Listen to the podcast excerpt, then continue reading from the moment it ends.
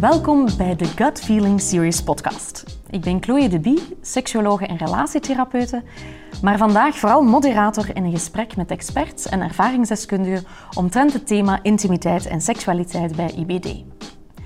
IBD staat voor Inflammatory Bowel Disease, ofwel inflammatoire darmziekte, en is een overkoepelende term voor chronische ontstekingen van het maag-darmkanaal. De ziekte van Crohn en colitis ulcerosa zijn de twee belangrijkste vormen van chronische darmziekte. IBD kan een grote impact hebben op seksualiteit en de seksuele relaties van patiënten en hun partner. Het onderwerp seksualiteit zit evenwel nog steeds in de taboesfeer. En dit heeft tot gevolg dat we er amper over spreken en dit dus moeilijkheden kan geven in de seksualiteitsbeleving. In deze nieuwe The Gut Feeling podcast series willen we intimiteit en seksualiteit in het leven met IBD dan ook uit die taboesfeer halen, omdat de erkenning vaak al een grote hulp kan zijn voor patiënten en hun partners. Vandaag ga ik dan ook met experten en ervaringsdeskundigen in gesprek omtrent dit thema. Ik ga bij deze even vragen aan de experten rondom mij om uh, zich even kort voor te stellen. Ik ga beginnen met jou, Lien. Vertel, wie ben je? Um, ik ben uh, Lien en ik heb um, sinds 2010 de diagnose colitis ulcerosa gekregen. Um, en vorig jaar, toen mijn vriend en ik aan kinderen wilden beginnen, toen heb ik moeten kiezen om mij te laten opereren. Dus ik heb sinds september een stoma. en ik ben er nog niet uit of ik uh, ervoor ga kiezen om de stoma te houden of toch nog een andere operatie laat doen. Ja, amai een hele boterham en een paar keuzes voor de boeg. Dankjewel Lien, fijn dat je erbij bent. Noortje, vertel, wie ben jij? Dus ik ben Noortje Stratemans, ik ben IBD-verpleegkundige in het AZ Vesalius van Tongeren. Um, waarom doe ik mee vandaag? Omdat ik merk dat het toch wel een probleem is dat bij veel van onze patiënten speelt. Um, en dat het toch niet altijd gemakkelijk is om daar al over te praten. Uh, zeker niet met zorgverleners. Dus ik denk dat het toch belangrijk is dat wij daar ook vandaag een beetje ruimte voor creëren. Klinkt als een ideale doelstelling voor onze podcast vandaag. Dankjewel. Els, vertel, wie ben jij? Ik uh, ben Els Basmani, ik ben seksuologe en relatietherapeut. Um, ik heb uh, een aantal jaren geleden ook meegewerkt aan uh, onderzoek rond leven met een stoma. En samen met dokter Van Oetrieven hier ook aanwezig, ja, ook een artikeltje geschreven voor het patiëntenblad Chroniek rond het thema. rond IBD en seksualiteit dan meer specifiek. En... Um, ik, ik heb een praktijk als seksuologe. Ik werk daarnaast ook als, um, als lectoronderzoeker aan de AP Hogeschool bij de opleiding toegepaste psychologie. En de reden waarom ik hier aanwezig ben en het heel belangrijk vind om mee te werken aan dit uh, project, is omdat we nog altijd uh, in onze samenleving toch zo het beeld hebben dat eigenlijk um, seksualiteit niet thuis hoort bij uh, mensen met een chronische aandoening of een chronische ziekte. Hè. Dat die twee niet met elkaar te rijmen zijn. En natuurlijk, hè, niks is minder waar. Dus vandaar vind ik dat belangrijk om dat thema ook mee bespreekbaar te nou, maken. vandaag zeker gaan kunnen aantonen dat die twee net wel heel goed samen kunnen gaan. Ja, dankjewel Els. Je zei het daarnet al, eh, dokter Van Utrieven of Steven, als het oké is, is hier ook. Vertel Steven, wie ben je? Dus mijn naam is Steven Oetrieven. Ik ben gastroenteroloog in de GZA ziekenhuis in Antwerpen en ik heb ook een uh, privépraktijk op het eilandje. Ik uh, ben al sinds kindsbeen af eigenlijk geïnteresseerd in de geneeskunde. Dat is iets dat genetisch werd doorgegeven van generatie op generatie, vrees ik. En de inflammatoire darmziekte, daar werd thuis al uh, vaak over gesproken van uh, kindsbeen af. Nu, de reden waarom ik vandaag meedoe, is omdat ik eigenlijk geschrokken was uh, van de resultaten van een bevraging via de Crohn- en Colitisvereniging, waarbij dat bleek dat er toch wel wat mensen kampen met problemen rond seksualiteit. En ik ben toch ook al even actief en dat is iets dat zeer weinig wordt besproken op de consultatie. Ik denk persoonlijk dat er een enorme ruimte nog is voor verbetering van ons uit als zorgverstrekker om uh, mensen te helpen ook op dat vlak. Om dat ook bespreekbaar te maken, hè? zo het proactieve stuk bij Sowieso, sowieso. En om, om daar ook wat in te kunnen gidsen, uh, er zijn wel wat mogelijkheden, maar vaak zijn we gewoon niet op de hoogte. Nee, klopt. Dankjewel, Steven. En last but not least, Bart, kan jij vertellen wie dat jij bent? Uh, ik ben Bart, uh, ik ben sinds 2014 kroonpatiënt. ik doe mee aan deze podcast, want ik vond dat er wel een bepaald taboe mag doorbroken worden. Ik denk dat dat exact is wat wij vandaag gaan doen. Ik ben heel blij dat jullie allemaal aanwezig zijn. Dank je wel daarvoor. Binnen deze podcast gaan we ons proberen focussen op een viertal onderwerpen um, binnen het thema seksualiteit. We starten nu met een bredere kijk op seksualiteit in het algemeen, waarna we daarna wat meer gaan inzoomen op de oorzaken van seksualiteitsproblemen als je geconfronteerd wordt met IBD.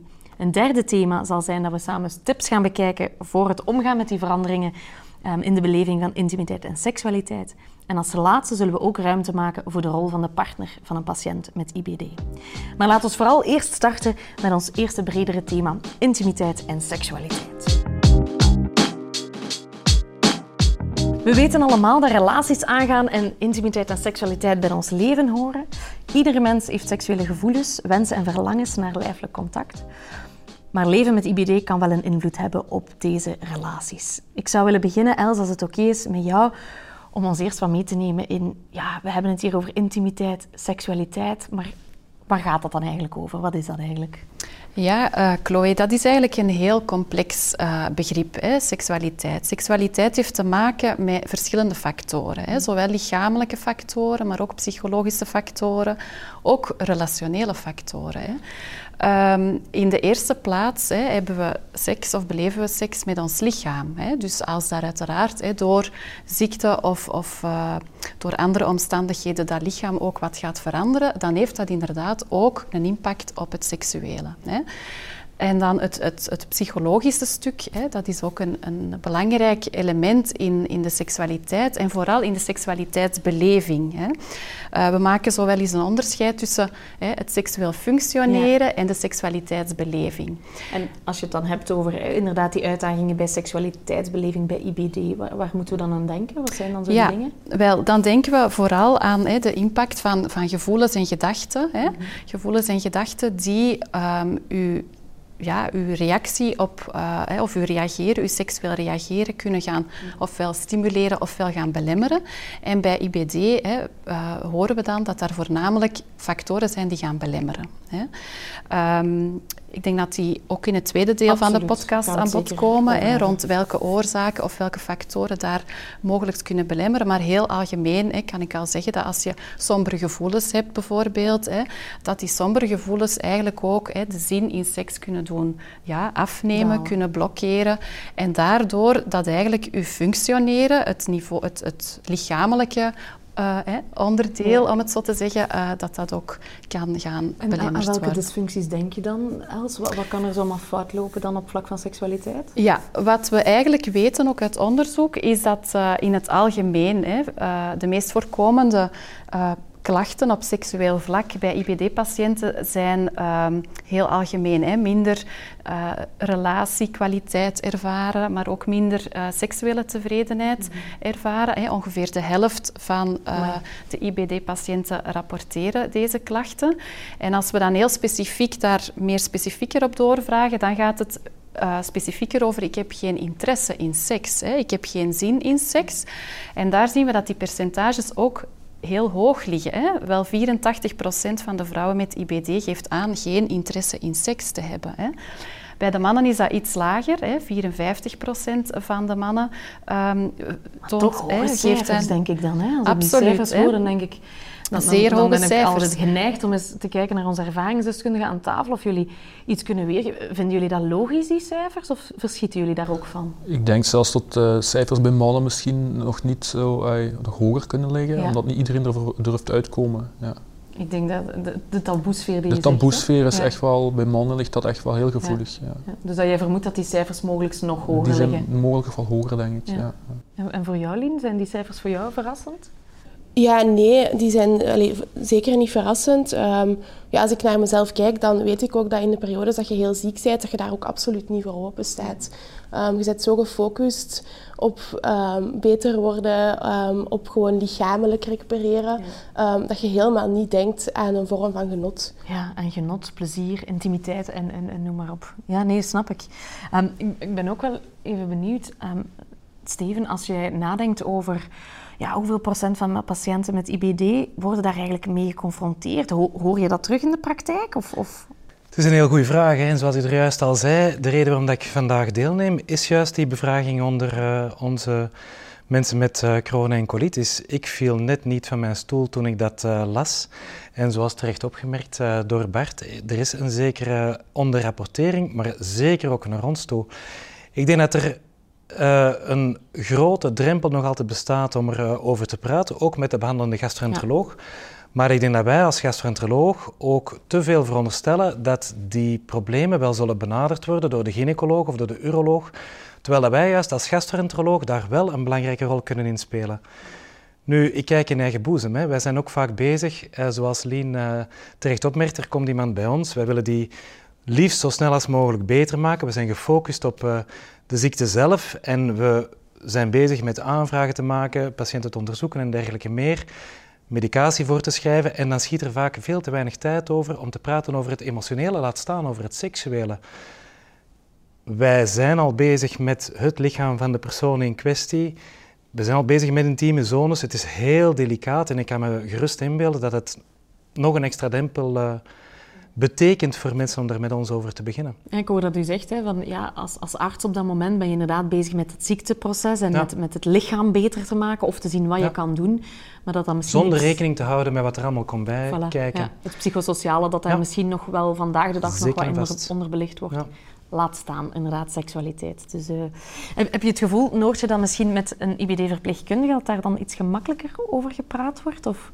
Ik denk dat dat zeker wel een meerwaarde is. Omdat als we de cijfers zien, mhm. voor mij was het niet zo een, een verrassing.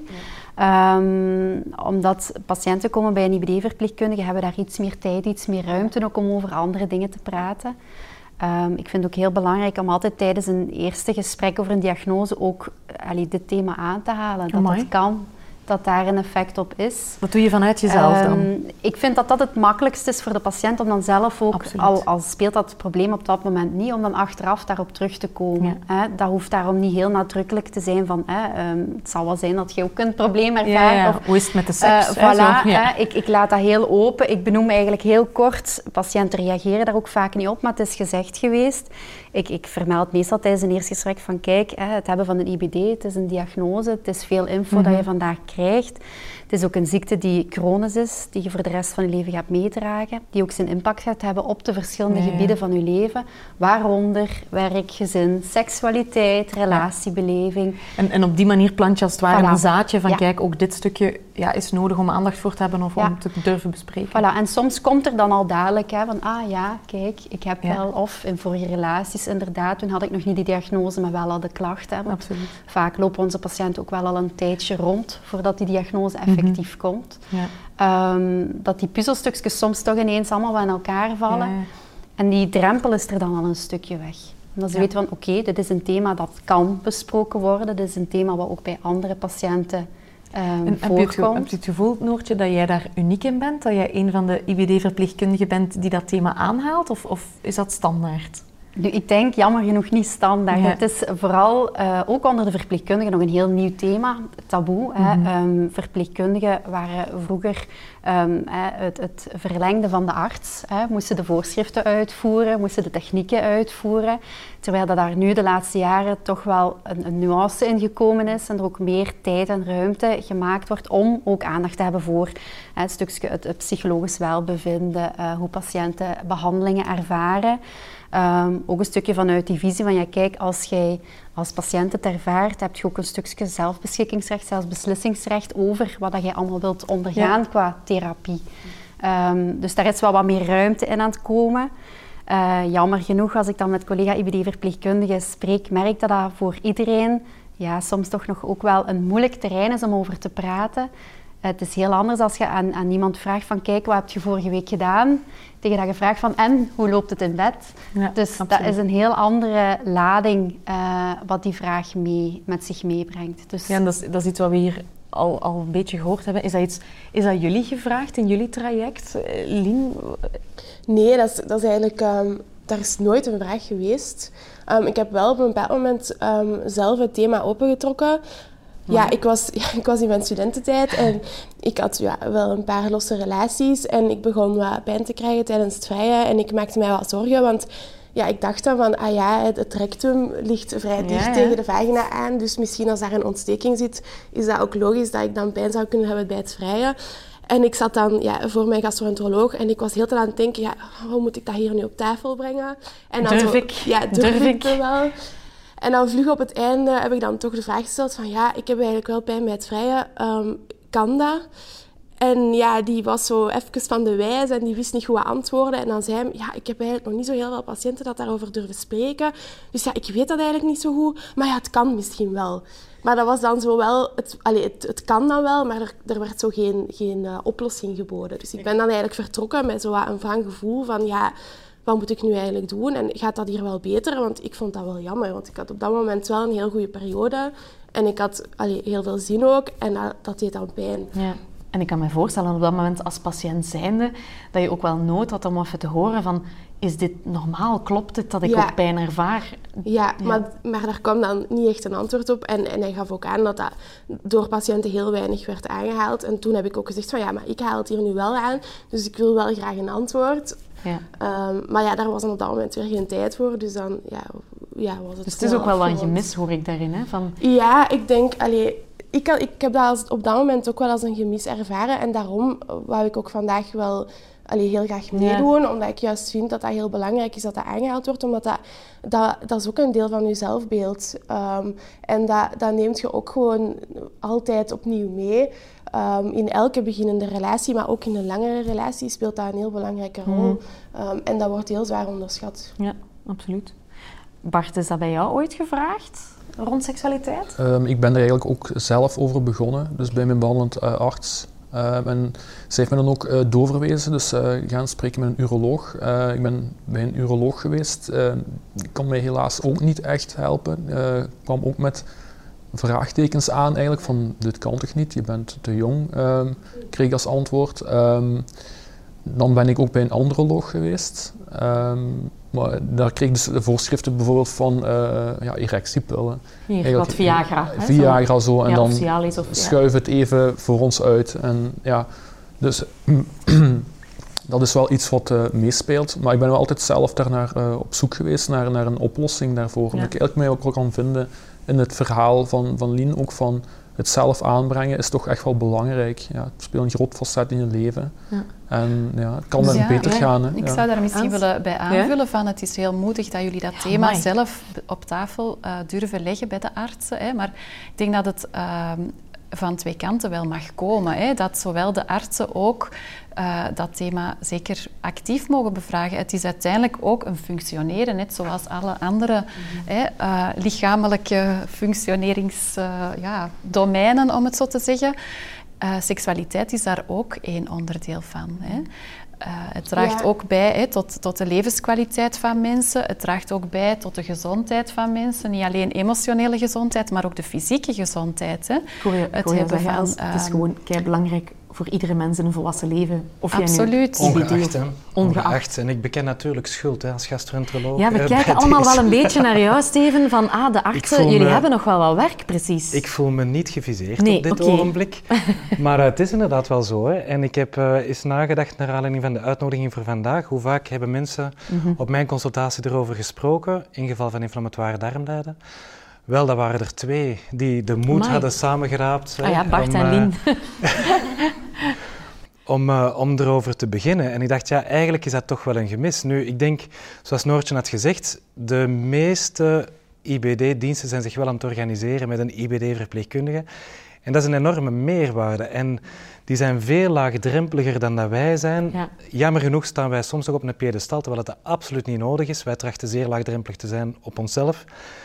Maar uh, die IBD-verpleegkundige heeft, heeft daar een zeer belangrijke rol. En wat dat wel uh, opvallend is, is als wij een consultatie hebben gedaan en de patiënt gaat nadien naar die IBD-verpleegkundige, dat we vaak nadien feedback krijgen van, een, van andere problemen die nooit ter sprake zijn gekomen. Alhoewel dat we altijd afsluiten met, is er nog iets en kunnen we, moeten we nog iets bespreken mm -hmm. en is er nog iets anders? Dus ik ben er zeker van dat dat... Uh, dat, ja, dat, dat, dat zeer de... belangrijk is om als team daar te staan. Absoluut. Wat dat ook belangrijk is, is uh, daarnaast dat ik ook wel merk dat mannen er bij mannen iets gemakkelijker over praten en vrouwen bij uh, vrouwelijke IBD-verpleegkundigen. Mm -hmm. Ik denk dat dat, ja, dat is dat mij ook wel opviel.